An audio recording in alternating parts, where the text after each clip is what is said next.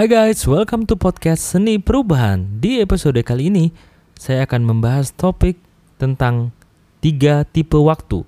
Ada tiga tipe waktu yaitu waktu masa lalu, waktu masa depan, dan yang terakhir waktu masa kini. Waktu mana yang harus kita fokuskan dan bagaimana cara kita berpikir tentang ketiga tipe waktu ini untuk membantu kita merubah hidup kita menjadi lebih baik, ini yang akan saya bahas. Yang pertama adalah soal waktu masa lalu. Orang biasanya ada yang terjebak di dalam waktu masa lalu.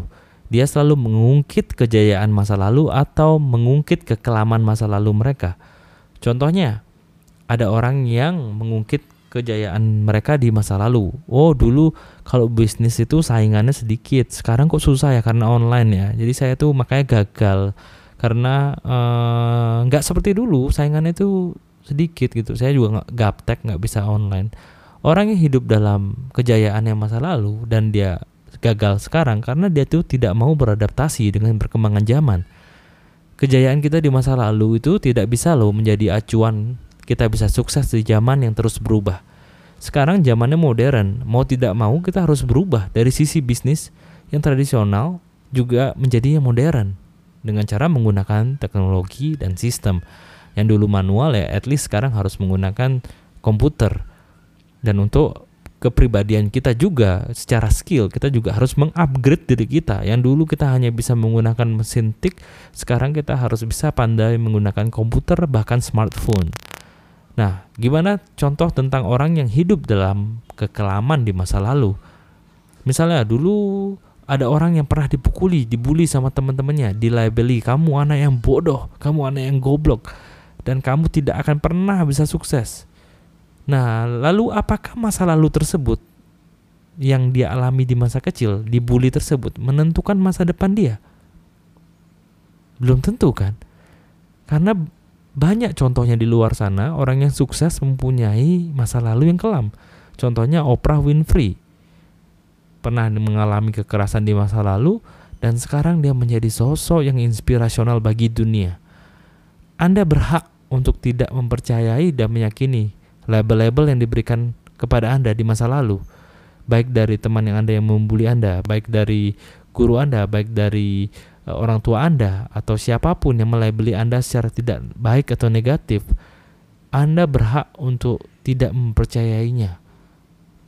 Pada prinsipnya masa lalu ya masa lalu, semuanya itu akan berlalu. Baik itu kejayaan atau kekelaman di masa lalu, dan kita memang harus berubah ya seiringnya waktu. Kita harus membentuk pribadi dan bahkan model bisnis yang baru sesuai dengan zaman yang sekarang.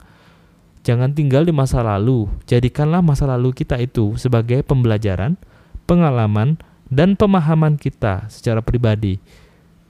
Dan karena masa lalu itu selalu tidak pernah menjamin kesuksesan kita di masa depan atau masa sekarang. Kita harus memang mau nggak mau harus mau belajar berubah dan beradaptasi seiring perkembangan zaman. Yang kedua, ada orang yang besok yang selalu tinggal di masa depan. Orang seperti ini, dia itu selalu khawatir dan punya kekuat, ketakutan yang tinggi soal ketidakpastian di masa depan ya, karena nggak ada yang tahu kan di masa depan. Jadi dia tuh banyak pikiran. Dia ber berpikir kayak nanti ke depannya hidup saya gimana ya? Nanti uh, tidak tadi nanti bisa nggak ya saya membiayai rumah tangga saya? Nanti bisa nggak ya saya membiayai sekolah anak untuk anak saya? Nanti kalau saya menikah hidup saya bisa lebih bahagia nggak ya daripada saya single sekarang? Orang khawatir dengan apa yang belum terjadi di, di masa depan. Dan memang sih rasa khawatir itu wajar ya. Tapi kalau kita terus tinggal dan larut di dalamnya itu berdampak loh untuk kepada performa kita di masa kini. Karena otomatis stress level kita meningkat rasa takut kita juga meningkat karena kita kita nggak fokus di masa sekarang ini. Mikirnya masa depan terus nanti gimana ya khawatir terus tapi memang masa depan itu perlu kita gambarkan kita perlu tuliskan karena itu sebagai harapan kita. Itu memang harus ada supaya kita tahu tujuan hidup kita ini ke mana gitu.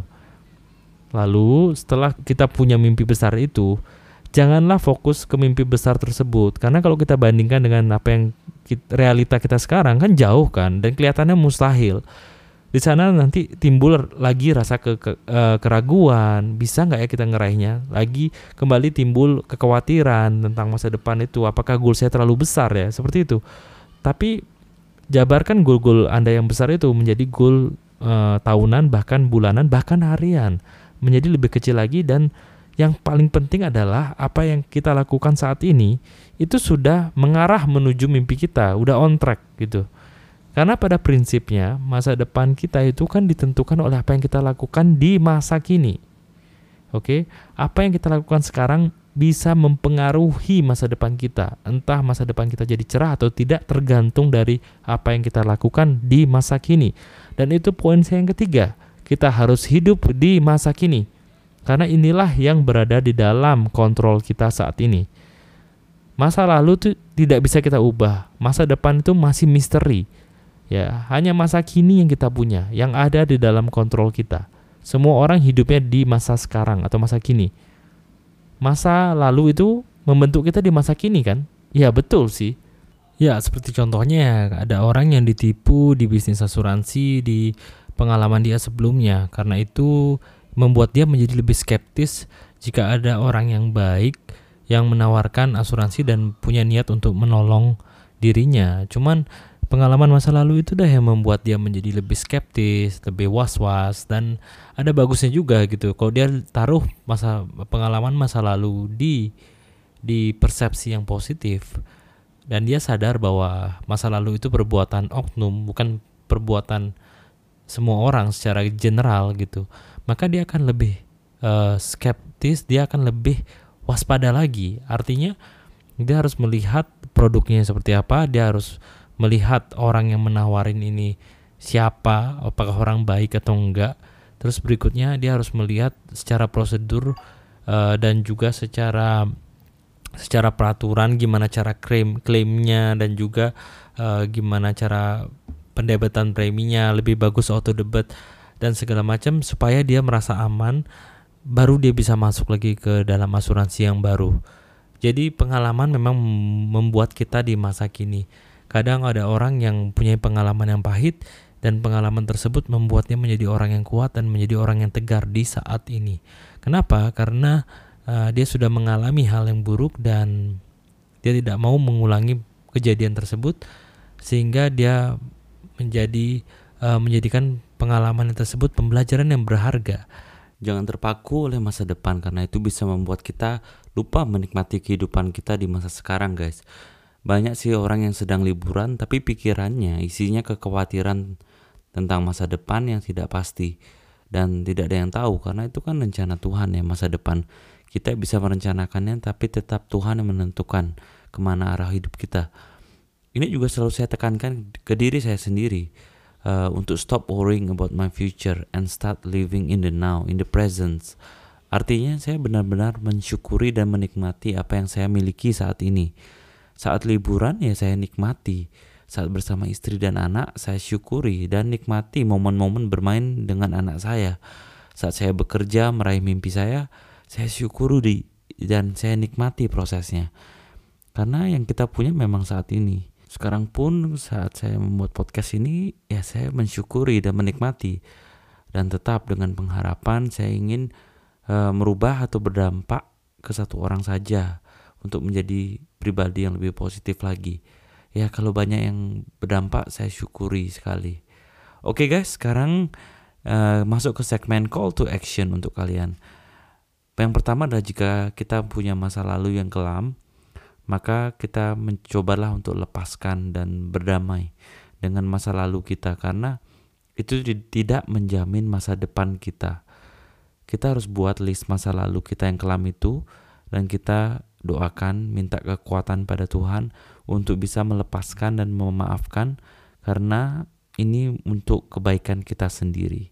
Dan jika kita punya masa lalu yang membahagiakan atau keberhasilan, kita saat kita mencapai sesuatu di masa lampau yang membuat kita percaya diri, itu juga buat listnya.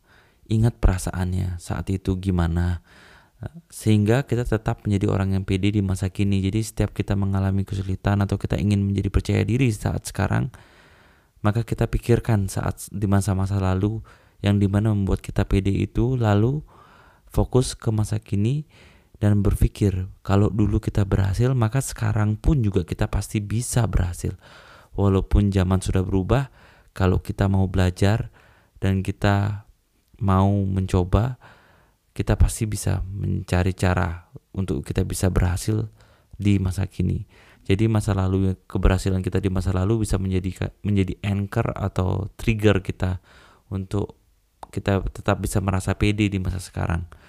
Yang kedua adalah tetapkan tujuan masa depan kita secara jelas dan spesifik. Tentukan mimpi besar kita, lalu jabarkan mimpi-mimpi uh, yang besar tersebut menjadi mimpi-mimpi kecil atau bahkan harus menjadi goal harian kita.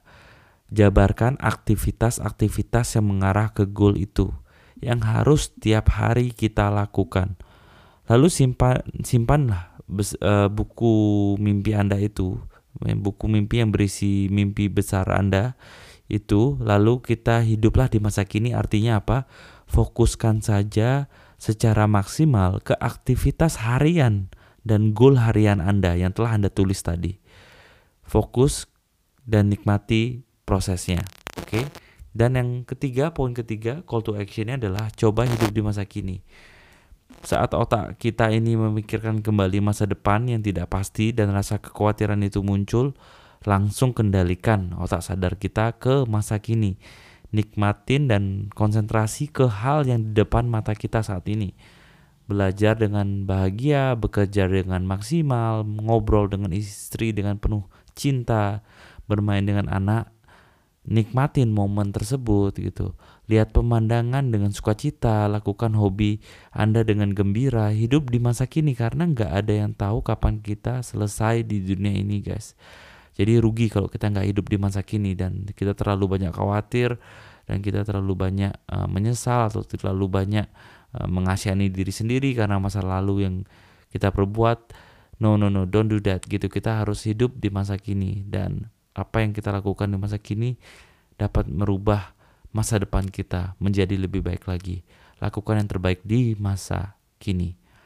Sekian episode kali ini dan jika kalian merasa ini bermanfaat, saya cuma minta kalian untuk membagikan ini ke teman-teman Anda agar bisa kita sama-sama membantu mengubah persepsi mereka tentang tiga tipe waktu ini dan semoga hidup mereka bisa berubah menjadi lebih baik lagi.